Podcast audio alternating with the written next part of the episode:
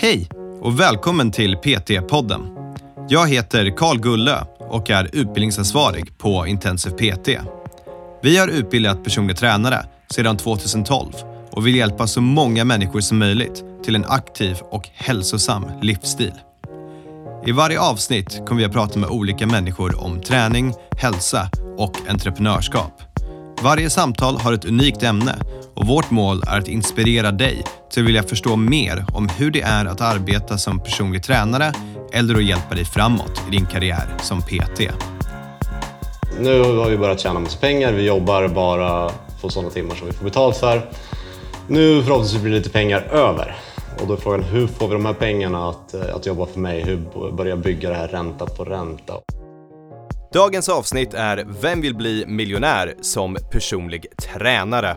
Ja hörni, ni vet att att jobba som PT, det ger ofta inte det bästa arvodet. Så vi behöver alla tips vi kan för att förvalta de här pengarna. Så i dagens avsnitt får vi lyssna på Andreas Hurtig som berättar hur du ska maximera dina intäkter och sen hur du ska förvalta pengarna så att en dag blir du också turbomiljonär. Nu kör vi! Välkommen in till studion. Tack Karl. Känns bra att vara här igen. Vi ska prata om både personlig träning och eh, finansekonomi. Ja, någonting du är ganska bra på också, skulle Ja. jag vilja säga. Så blir du miljonär på personlig träning. Hur funkar det? Det är kanske mitt eh, mest lästa blogginlägg och det är väl kanske lite för titeln såklart. Eh, men sen är det ju så att det, även om man kanske inte ger sig in i branschen för att man vill eh, bli rik, då är man kanske i fel bransch, så det är ingen som har något emot att tjäna lite extra pengar på det man gör. Om man kan tjäna mer på samma arbete så är det välkommet, eller? Ja, självklart. Och om vi börjar i rätt ämne. Som personlig tränare har du en timlön på, ja, om du är anställd, 150 till 250 kronor. Ja. Kanske 300 om du har tur. Ja. Så det innebär att du kan komma upp på en bruttolön på en 25-30 000 kronor, kanske lite mer. Och då jobbar du och får bara betalt när du jobbar dina 30 till 40 till 50 timmar i veckan beroende på hur det ser ut. Och det är inte världens bästa jobb för att tjäna pengar.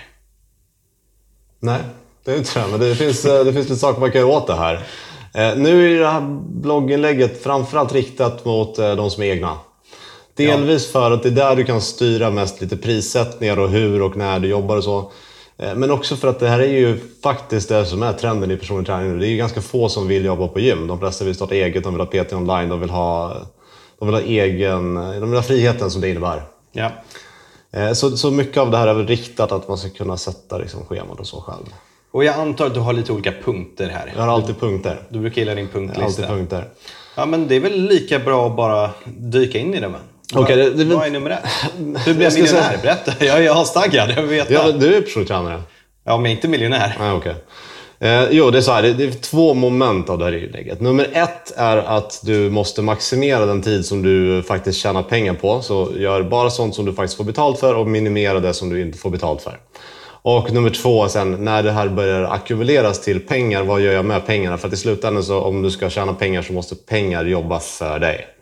Eh, så Okej, men vänta, vänta, vänta. Ja. Nu, nu måste vi... Du är snabb. Det här kommer bli tre minuter avsnitt. Um, men framförallt så vill jag veta, vad, vad är det vi personliga tränare gör som tar tid som vi inte tjänar pengar på?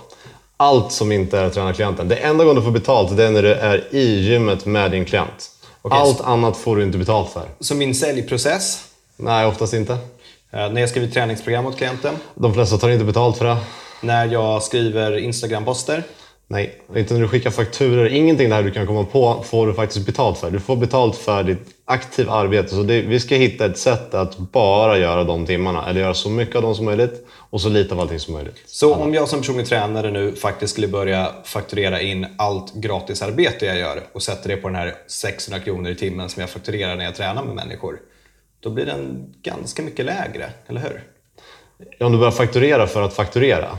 Nej, alltså när jag tränar med själva klienten, då Ja. tar jag ju 600 kronor i timmen. Ja. Eller 500 kronor i timmen. För jag tror de flesta inte vågar ta 1000 kronor i timmen. Möjligt. 600 kronor, 700 kronor i timmen. Om jag nu börjar räkna in allt runt omkring arbete som finns, då är det inte längre 600-700 kronor i timmen. Nej, nej, du räknar med i alla fall typ 20% bortfall på det här. Ja. Så det innebär att världen för personlig tränare såg helt plötsligt ännu sämre ut. Ja. Och det är här man luras när man, när man blir personlig tränare. För man ser ju bara den siffran som jag fakturerar 1000 kronor i timmen eller whatever nu för 10 timmar, 10 000 faktura och det är det enda du ser och du tror att du tjänar 1000 kronor i timmen men det är ju långt ifrån sanningen. Ja, när du sätter ut det på allt ditt arbete, då är det betydligt mycket mindre. Ja, och det är därför det, det aldrig riktigt stämmer överens om jag tänker att jag ska jobba mina 100 timmar i månaden och kommer tjäna 100 000. Men antingen så kommer du inte få ihop så mycket eller så kommer du jobba 150 timmar i månaden för att du inte har styrt upp ditt jobb. Ja. Eh, så det, det är det här jag liksom adresserar i mitt eh, blogginlägg. Vill du höra vad det första är? Ja, absolut. Den är, den är ingen eh, högoddsare direkt. Lär dig sälja. För du, det är ju en obetald process att sälja. Och här kan vi göra enkelt för oss och bara hänvisa till det tidigare podcasten som vi pratade om hur man säljer. Så mycket mer än så är det inte, men om du säljer på fler av dina konstellationer så blir det färre konstellationer och konstellationer i gratisjobb. Det är enkelt. Nummer två är minst lika logiskt. Det när du väl har sålt så måste du behålla dina klienter. Det här ska jag säga, det är faktiskt någonting som jag säger många PT ska göra fel på. Det är att kunder slutar efter, ja, antingen så är det ganska fort, eller om man har kvar dem, men det, det är ett år ungefär som folk lyckas ha kvar sina kunder. Och det då gör man ju någonting fel. För Eller man, så gör man någonting rätt. ja, om man vill tjäna mindre pengar så gör man helt, Ja, helt kunderna rätt blir sak. självständiga och kan jobba själva och så vidare.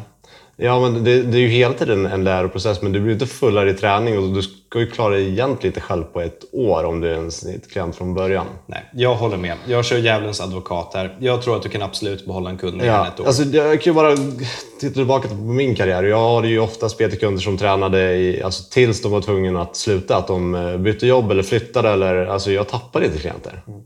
Och det här vet ju alla som håller på med företagande, att hur billigt det är att behålla en befintlig klient, hur lite det krävs. Och hur mycket det krävs för att få in en ny klient, både i arbete och hur mycket pengar det kostar. Så att vi ska försöka maximera det här retention. Och eh, ett sätt att göra det här, ett väldigt enkelt sätt att göra det på, det är fortsätter dina klienter få resultat av träning så kommer de inte sluta. Och ser du till att det hela tiden är kul för dem så kommer de inte sluta. Och ser du hela tiden att, att jobba lite extra för dem och att göra det här lilla extra så kommer de inte sluta. Där finns det också jättebra blogginlägg som jag har skrivit om hur du behåller dina klienter. Så läste jag också. Sen har vi punkt nummer tre som är lösbokningsproblemet. Den här är ju besvärlig. Hur gjorde du med dina bokningar? Ja, jag har ju jobbat ganska vettigt från dag ett. Eh, men jag vet om många som inte har det. Som har att det är, de skriver på Messenger sent på kvällen och så ska man försöka hitta sina tider. Och så får man kolla sig schema och så är det jättemycket fram och tillbaka. Och så ringer man varandra och så har du 30 klienter. Så du upprepar den processen gånger 30. Säg det tar 5 minuter per person för varje bokning i veckan. Det blir rätt mycket snack. Så jobbade inte jag, men jag gissar på att du ska berätta alldeles strax hur man ska göra den här processen. Som vanligt ska jag berätta hur man ska göra. Eh, du har helt rätt. Man ska inte hålla på att låta klienterna bestämma ditt schema. Utan bäst är ju såklart om du kan få klienter att bara träna på specifika tider. Att måndagar klockan åtta så ska du alltid träna. Och det blir aldrig något strul med det här. Det är ju en drömvärld. Om det inte är så här så kan vi rekommendera ett program som heter Onlinebook. Det kostar lite grann. Men det som gör Onlinebook bra det är att klienterna själva bokar in sig. Så det behöver inget, inget manuellt arbete från din sida. Du öppnar upp vilka tider du jobbar på en dag. De ser, finns det en lucka så kan jag boka där. Finns det inte så är det ingen idé att ens kontakta personen och tränaren för att det går inte. Och då blir det noll i, i tidsadministration. Och jag vet, det finns konkurrerande program som är gratis också. Uh, inget som kommer till mitt huvud just nu, men jag vet att det finns och kostnaden behöver inte vara en grej. Onlinebook tror jag kostar runt 800 kronor per månad och då kan du upp till fem kalendrar eller någonting sånt. Det är inte dyrt, man får tillbaka de pengarna väldigt fort. Uh, en till koppling till det bara, apropå onlinebook i kombination med sälj. Det är den säljkanalen du ska ha. Om du har reklam uppe på Facebook eller vart nu som helst som leder till att en klient ska boka in en konsultation med dig. Det värsta som finns det är att när de har optat in på något sätt och sagt ja, jag vill ha den här konsultationen och betalat och de sen hänvisas till att mejla dig och så ska ni två försöka kommunicera fram en tid. För det är ju också tid som är slösad. Så i säljprocessen ska den alltid avslutas med att klienten kommer in på din onlinebokkalender eller onlinekalender och får boka in tiden direkt och själv. Då är det större chans att de faktiskt dyker upp, att de slutför det här och att du får din PT-timme. Det är en bra punkt. Det är en bra punkt. Och, Nej, Jag har också bra idéer. Ja, ibland. Och jag, jag visste faktiskt inte att det var så dyrt, så det var länge sedan jag kollade på priset. Men om, om man kan ha fem kalendrar så kan du gå ihop eh, två, tre personer tränare. Det är ganska enkelt Ja, att- det att det göra. finns gratis programvara till det här. Jag kommer inte ihåg exakt nu vad det heter, men jag vet att det finns. Carl kommer researcha det här och lägga upp det i show notesen. Perfekt. Uh, Fyra, håll koll på timmarna. Den här känner alla igen. Eh, Helt plötsligt så tycker man att man kör den 20 timmen och så man säger till klienten du börjar få slut på timmar nu. Så säger de, nej men jag har ju bara kört 17. Mm. Och då är det, det är svårt att ta den fighten. Även hur bra du än har varit på bokfört det här och tagit dina signaturer och allt. Och så det, det, det slutar ändå med att i bästa fall blir det någon typ av kompromiss. Att du kör en timme gratis och att klienten då går med på att en timme då förfaller i deras ögon. Då. Eh, så att det här ska vi lösa på något sätt. Och vi byggde ju ett litet hobbyprojekt som heter PT Hero som eh, skannar QR-koder. Mm. Och du, du har ett visst antal QR-koder som PT och du måste scanna en när du tränar. Och det räknas bak från ditt saldo, det är geoknutning. Så att jag kan till och med om du ifrågasätter när, när används de här klippen och var så har du exakt tidsstämpel och exakt var. Det kan inte bli strul. Nej, det kan jag säga det har funkat väldigt bra. Och det är väldigt skönt för klienten också att själv kunna se alltid hur många timmar de har kvar. Ja. Och det här vet jag, bara här kan jag faktiskt säga hur jag jobbade förut och hur jag jobbar nu. Och jag jobbade aldrig på World Class och hade det här kvittosystemet man fick skriva ut. Men jag hade Google Drive där jag hade mina timmars klienter. Och efter varje tillfälle så gick jag och uppdaterade det. Jag var en fullbokad PT. Hur ofta tror du jag missade att göra det? Ja, men det är ju inte där fokus ligger. Nej. Det är väldigt många timmar jag har jobbat ja. gratis för att det har blivit, jag har räknat fel. Ja. Och om du räknar på timmarna som det faktiskt tar dig att, att uppdatera och dubbelkolla allting det här istället för att bara ha statistik på det. Du får liksom data mm. på när du jobbar, hur mycket och i det systemet så gärna skulle du kunna se vad, vad är min nettosälj varje månad? Hur många timmar förbrukas, hur många timmar har jag sålt? Så att du ser Ja, och jag menar, processen för oss är väldigt enkel. Vi lägger in kunden i systemet, vi lägger in att de har köpt 30 timmar eller vad de nu har köpt. Varje gång de tränar med oss skannar vi deras telefon och QR-kod och en timme förbrukas och en timme lön rapporteras. Och där kan du få ett till tips till egen företagare. Eh, det är om du tittar på anställda människor, vilket jag tror att många ändå kanske gör vid något tillfälle. Se till att ha den här processen bulletproof. Om de får betalt av dig, se till att det inte finns någon möjlighet att du betalar ut lön för timmar de inte har jobbat och att den här förvirringen uppstår med klienter. För det blir inget bra. Nej, och det här tror jag att jag vet, jag har jobbat på gym och finns det ett sätt för PTS att få lite extra lön så kommer man försöka göra det. Mm. Och det här tror jag kostar miljontals kronor för de stora gymkedjorna. Så att, eh, nej, inget vi vill göra på, på någon sida av det bordet. Den här kan vi faktiskt slänga ut till alla lyssnare också. För det är intressant, för vi håller oss ganska uppdaterade, men det är klart att man missar saker. Um, vi gjorde ju vårt egna program för det här, men om du använder något program som du vet gör en likartad funktion, att skanna av klientens timmar, skicka jättegärna in det till oss och, så att vi vet det. För vi vill ju veta vad du använder och se hur det funkar. Vi sitter på de flesta lösningar, men kanske inte alla. Nummer fyra. Ja, ja. Förenkla bokföringen.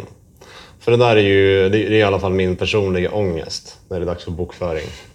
Och jag gör det ju inte på rätt sätt. Jag gör det ju istället för att göra månadsvis så gör jag en gång per år. Jag kommer ihåg när jag, jag måste bara, jag kommer ihåg när jag började jobba med dig och vi skulle göra bokföring för olika företag. Dels hur mycket ångest det var på dig och hur jag inte hade någon aning om hur man gjorde och såg dig komma med typ tusen papper som var blandade högar och allting.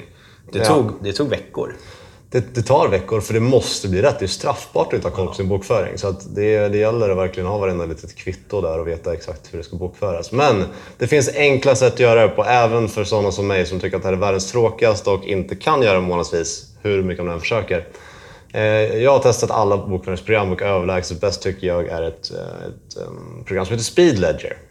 Och det är för att den här kopplas direkt till ditt bankkonto. Så att när du gör någonting på kort eller på kontot så kommer den upp i Speedledger. Det enda du behöver göra är att klicka i vad det faktiskt är för någonting. Så är det en faktura från Tele2 som har betalats på Outgiro så klickar du bara i telefoni och så gör den allting åt dig. Och sen så gör bara, det sista du gör sen på året är bara att exportera den här filen och skicka till din bokföringsfirma. Klart! Och det kan inte bli fel. För att den ser till att balansera det här. Det är så otroligt enkelt, till och med jag tycker att det är okej. Okay. Ja, jag har inga åsikter. Jag håller med. Det är, jag vet också att man kan använda och scanna in kvitton och sånt. Um, och så kan man ha externa bokföringsfirmor som gör det.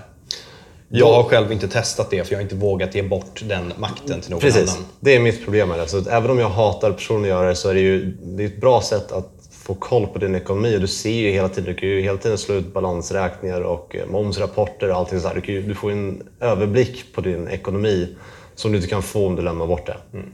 Så det är värt att göra det och, och jag tror att det handlar om någonstans 10 timmar per år. Och sen kommer bokföringsfirman kosta några tusen lappar för att, för att sammanställa det till, till bokslutet. Då. Så den skippar vi. Jag vill inte ens prata mer om bokföring. Eh, Se till att inte ha en för dyr revisor som gör det. ha ingen revisor. Du behöver inte ha revisor. Ha en vanlig bokföringsfirma. Ja, men en bokföringsfirma, de Ja. kommer också i massa olika priser. Hitta någon som bor typ längst upp i Umeå eller någonting. Det kommer vara mycket billigare än den lokala bokföringsfirman på Östermalm. Ja. Hitta en billig bokföringsfirma, som också är bra. Nummer sex, spara gamla upplägg. Och det här är ju lätt att man tänker att ja, den här klienten har redan kört den här cykeln i, i periodiseringen och nu har jag ingen nytta av det här längre. Men det, det är faktiskt så...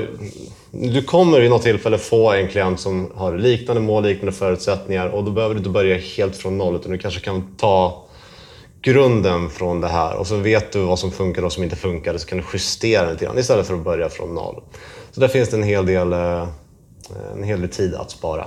Men det här måste adresseras ändå lite. För jag tror att personliga tränare känner alltid att träningen ska vara just personlig. Och det stämmer ju. Men om vi ska vara helt, helt ärliga. Mina program ser, ofta li- eller ser alltid lite olika ut. Men 75% är nog väldigt mycket samma sak. Ja, alltså det, det är inte raketforskning med programkonstruktionen. Har jag, en, jag har många klienter som vill gå upp i muskelmassa.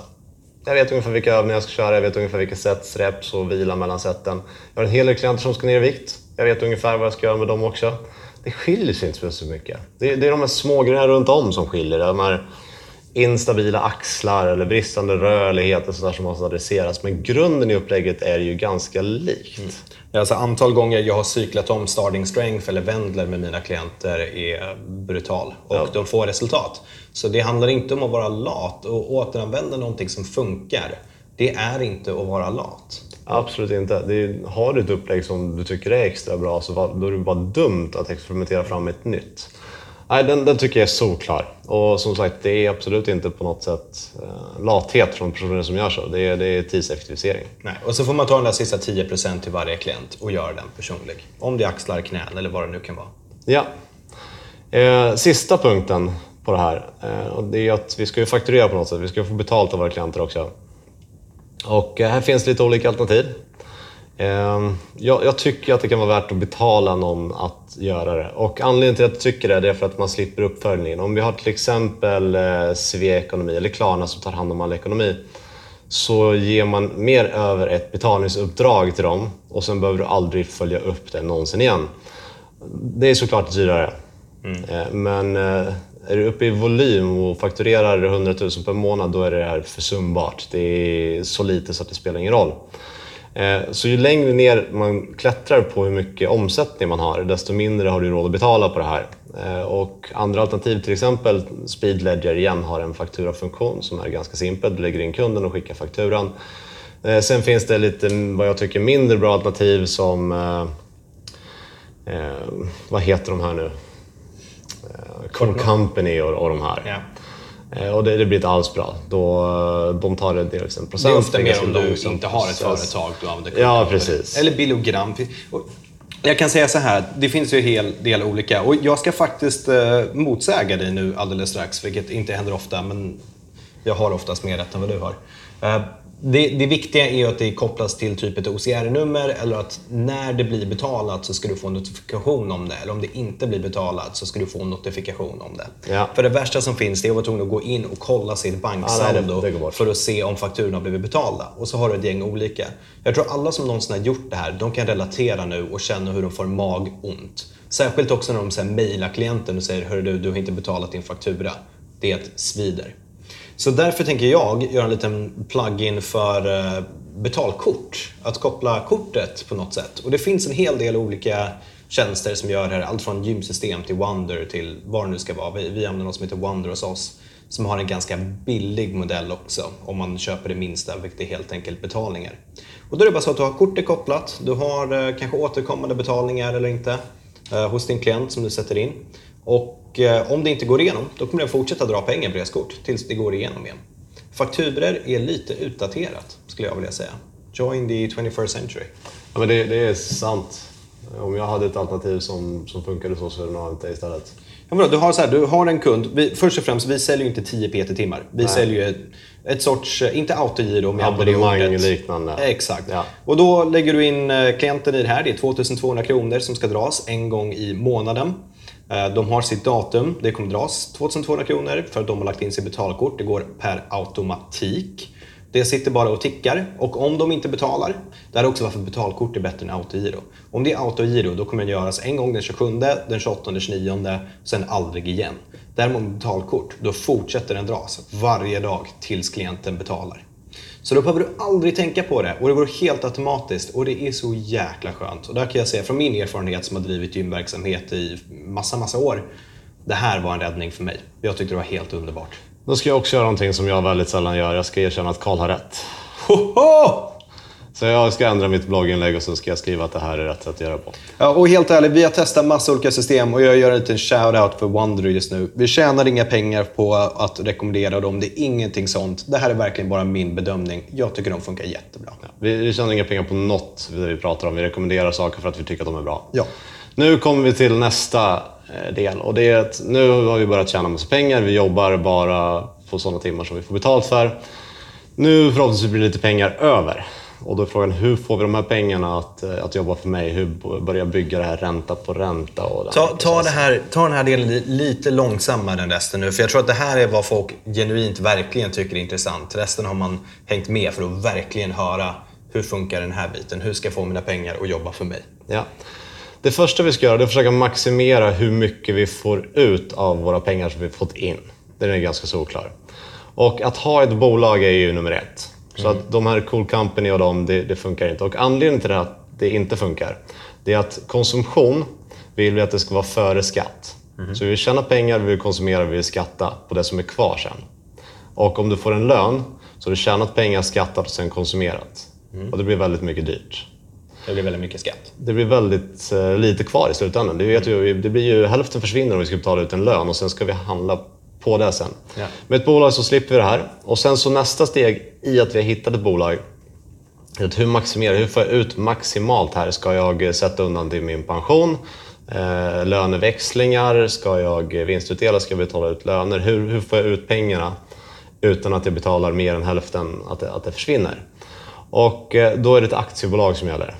Och då kan man göra något som heter vinstutdelning kan man göra en gång per år. Det är väldigt mycket billigare, ungefär halva priset mot, eh, mot att betala ut en lön. Eh, Så då får man helt enkelt lön en gång per år. Och sen så klarar man sig på det. Första året så kommer man behöva betala ut en lön precis som vanligt för då finns det ingen vinst att ta ut. Och sen så baserat på hur mycket vinst du gör så kan du betala ut vi- viss storlek på vinstutdelningarna. Eh, Så, och jag har ett, ett blogginlägg om det här också, vilken typ av företag ska, ett, ska en PT ha? Så lyssna på den också, då pratar jag lite mer om fördelar med ett aktiebolag. Men det gör att ni maximerar hur mycket pengar ni får ut av det ni faktiskt får in. Sen finns det något som heter en sparkvot, som är punkt nummer två. Och det är precis vad det låter. Hur mycket av mina pengar sätter jag undan? Konsumeras inte. Utan hur mycket av det här går till någonting som pengarna sen kan föröka sig på. Och här tror de flesta att när jag får in mina pengar så ska jag betala mina räkningar, så ska jag se hur mycket som blir över och så ska jag sätta undan en summa. Det är fel. Utan du får in dina pengar, så redan innan bestämt hur mycket du ska spara undan, sparar undan det och sen betalar dina räkningar och hoppas att det blir att det räcker. Vad är skillnaden? Det här Tänk om man, jag inte kan betala mina räkningar? ja, men då är det så. Okej. Det... Då får du tänka bättre. Då hade du inte så mycket pengar som du trodde. Det här finns det, det har flera duktiga ekonomer kollat på. Det här är en, en väl tilltaget knep. Du ska först spara undan och sen ska du betala med räkningar. Jag antar att det, det, det du pratar om det handlar om mindset. Att man prioriterar sparandet före resten. Ja. Att det är det som är tanken. Ja. Och här ska man sätta, den ska man sätta ganska hög. Ehm, ta inte på dig stora levnadskostnader. Dra inte på dig för mycket. Speciellt om du vill ackumulera pengar. Om du vill bygga upp en, en större liksom, förmögenhet och en buffert. Och, eller kanske leva på ränta till slut. Eller ha en jättestor fin pension. Så dra inte på dig en massa dyra bilar och lägenheter som du egentligen inte har råd med och, och jättestora lån. Utan försök att sätta undan 50% av vad du tjänar varje månad. Vadå, hushåll med din ekonomi? Är det det du säger? Ja. Ja. Var inte en idiot. Nej. Det kommer ju ofta tillbaka till den här podden. Så var inte en idiot. Var inte en idiot. Så hög sparkvot. Och sen så, vad gör vi med den här sparkvoten då? Ja, vi, vi ska ha en någorlunda diversifiering. Det här ska ju investeras på något sätt. Och eh, nu, nu ska jag inte gå igenom hela inlägget här, men det finns väldigt enkla sätt att resonera när man tittar på investeringar. Och det är inte så komplext som de flesta verkar tro, eller som om du går till en eh, bank och de ska hjälpa dig med att förvalta dina pengar. Då kommer de få dig att tro att det här är jättesvårt, du kan inte göra det här själv. Så är det inte. Det är superenkelt med investeringar. Om du första gången du hade kollat på eh, Netflix kommit fram till att det här är en bra tjänst. Det, är så här jag tror att folk kommer kolla på film i framtiden. Och sen hade du investerat 100 000 kronor i Netflix. Då hade du haft så många miljoner nu så att det är löjligt. Då hade jag kunnat vara en idiot. Då hade du kunnat vara en idiot resten av livet och fortfarande inte få slut på pengar. Eh, samma sak om du gillade din första iPhone. Tänkte att det, det här smartphone är the shit. Och köpt aktier i Apple. Då hade du varit multimiljonär. Eller om första gången du handlade på nätet eller på Amazon och tänkte att oh, det här är en bra idé. Stenrik. Google tycker att här kommer folk söka på saker. Stenrik. Ganska enkelt. Saker som du testar som du tycker är bra. Köp aktier i det bolaget. Du förstår principen. Om det, om det är en produkt som vi kan stå för, så vi, logiskt sett, så, så borde det här vara en bra investering. Ja, men då är min fråga så här. Det, det här måste vara ett väldigt lätt sätt att bränna sig själv på också. Eh, Ge mig ett exempel på hur du skulle bränna dig. Ja, men jag eh, istället för att... Något företag som har gått åt helvete för som är stort då, de kommer man inte ihåg. De är inte stora sätt. för att det har gått åt helvete för dem. Ja, okej. fair enough. Men vadå? Ta, jo, jo. Oh, praktexempel. Nokia 3310. Hallå. Ja, men absolut. Du, du kan bränna dig på det, men förmodligen hade du när du började köpte din första Nokia-telefon och, köpte Nokia så hade du fortfarande varit stenrik då. För det var ju först det gick ut för. Om du sen när de sa men vi tror inte att smartphone kommer bli en grej, så vi tänker inte göra det. Där säljer jag mina aktier så fort och är stenrik ändå. Ja, fair enough. Men, men det jag tycker om nu det är att du går inte in på specifika detaljer som P tal eller Kolla inte på något sånt alls. Man går på vad man själv tycker funkar bra. Ja. Och ingen kan veta om ett, ett företag är övervärderat eller undervärderat eller på något sätt tajma cykler, titta på teknisk analys. Det är helt omöjligt. Om det var så skulle de här supersmarta människorna med kvantdatorer tjäna alla pengar som finns och ofta så underpresterar ju deras fonder. Brukar det inte vara i podcast som har sånt här att de har en disclaimer någonstans med vi är förresten inte finansiella rådgivare och så vidare och så vidare. För Ja, jag det- tänker att det blir bra tillfälle för oss att dra den nu annars. Ja, nej, jag gör inget av det vi säger, men eh, så här har jag gjort och det har funkat ganska bra. Eh, Eh, så, bolag som du gillar. Sen så vill vi ha någonting som är mer eller mindre indexföljande. Anledningen till att vi vill ha det här är att om du köper en indexfond eh, så kan det vara, det kan vara tusentals bolag i den här fonden. Och det gör att du, du är inte beroende av att ett företag ska gå bra. Så att även om eh, tio av de här företagen mer eller mindre går i konkurs så påverkar det totalpriset på den här fonden nästan ingenting. För att så, många, så mycket ägande. Och det kan ofta sprida, om det är en global fond till exempel, så kan det vara i många länder. Så att även om ett, ett helt land går åt skog med sin ekonomi så påverkar inte den fonden speciellt mycket. Och den kommer följa någorlunda hur den globala aktiemarknaden går. Och det, det ska ge någonstans mellan 10 till 5-10 procent avkastning per år. Vilket man ska vara ganska nöjd med. Eh, sen tycker jag att man ska ha några så här lite spännande aktier som, eh, som kan bli kursraketer. Om man kanske läser på lite grann om något medicinbolag eller något eh, fintech eller någonting sånt här. Eh, någonting som är en högrisk som kan gå ner till noll. Och det, det finns ju bara en begränsning på hur långt någonting kan gå. Någonting kan gå från 1000 kronor till 0 kronor men det, kan, det finns ingen gräns uppåt. Det kan gå till 100 000 kronor också. Så det är ganska hyfsad risk-reward om man inte lägger för mycket del av sin portfölj här. Ja, var lite försiktigare där kanske. Ja. Sen ska man ha en liten del ränta. Eh, Det finns ränteplaceringar som ändå ger några procent. Och eh, Lendify är ett, ett svenskt exempel på det här. Det ger 67 procent per år ungefär och helt okorrelerat av börsen. Så det kommer oavsett i stort sett vad som händer så, så kommer den avkasta ungefär lika mycket. Och det är inte superbra avkastning men det är ändå mycket mer än vad man kan Det är bättre än att stoppa pengar i madrassen och så har du Ja, mindre det är det sämsta pengar. man kan göra. Eh, och sen eh, så har jag sagt också att man ska sätta lite guld. Och det är för att den är ju, det är ju ur valutan kan man säga. Det är liksom inte bitcoin-guld utan riktigt guld. rikt, riktigt eh, guld. Och det har ju varit, det har ju varit en, eh, till och med Bretton Woods eh, som knöt valuta till guld så har ju det varit det som har varit för att det finns stabilitet, det finns eh, någon substans bakom. Så den ska inte hända speciellt mycket med. Ehm, så har man den här placeringen så eh, så har man differentierat nog mycket för att det på sikt ska gå bra. Och sen så säljer jag aldrig. Sälj aldrig någonstans. Försök inte tajma marknaden och, och köpa när det är lågt och sälja när det är högt. Utan fortsätt köpa alltid vad som än händer. Så det här ska vara som ett månadssparande. Men när ska jag då köpa mitt hus? Om jag inte får sälja det här? Ja, om du måste så absolut. Men ja. försök hålla det här. Det här, det här ska vara över tid.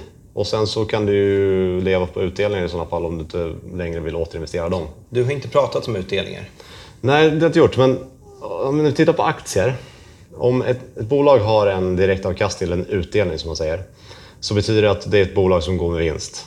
De har en vinst att dela ut. Och eh, vi vill investera i bolag som faktiskt har en vinst. Väldigt gärna. Det är, det är mycket mer stabilt. Och eh, då, då ger det sig att det ger 2, 3, 4 procent. Och då kan du antingen eh, så kan du ta ut de här pengarna eller så kan du återinvestera dem i någonting annat eller i, i samma bolag till och med. Så det brukar vara ett ganska, ganska enkelt eh, knep att titta på. Har de en direktavkastning så, så betyder det att de är lönsamma. Och många tänker sig att det, här, det låter konstigt för om det är på börsen så borde bolagen faktiskt tjäna pengar. Det är ju stora bolag som man kan investera i. Men det är långt från, alltså det, är, det är mer än hälften av börsnoterade bolagen, eh, senaste siffrorna jag såg, som faktiskt inte tjänar pengar. Och de är ju, ja det hörs ju själv, förr eller senare kommer de behöva vad som kallas för nyemission och då behöver de ta in pengar och då går ditt eh, pris på dina aktier ner.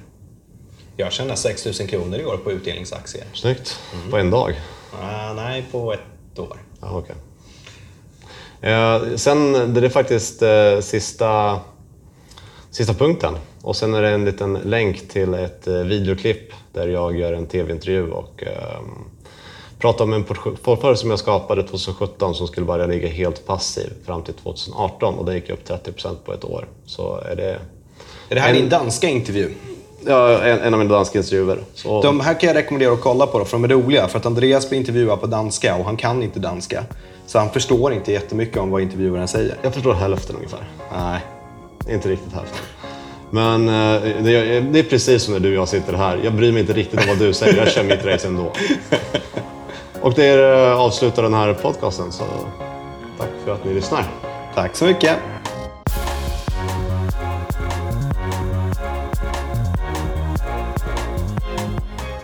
PT-podden är producerad av Intensiv PT. Om du vill veta mer om våra utbildningar och gå med i nätverket av framtidens personliga tränare, gå in på www.intensivpt.se. Vi har kursstarter varje månad och du kan studera helt i ditt egna tempo.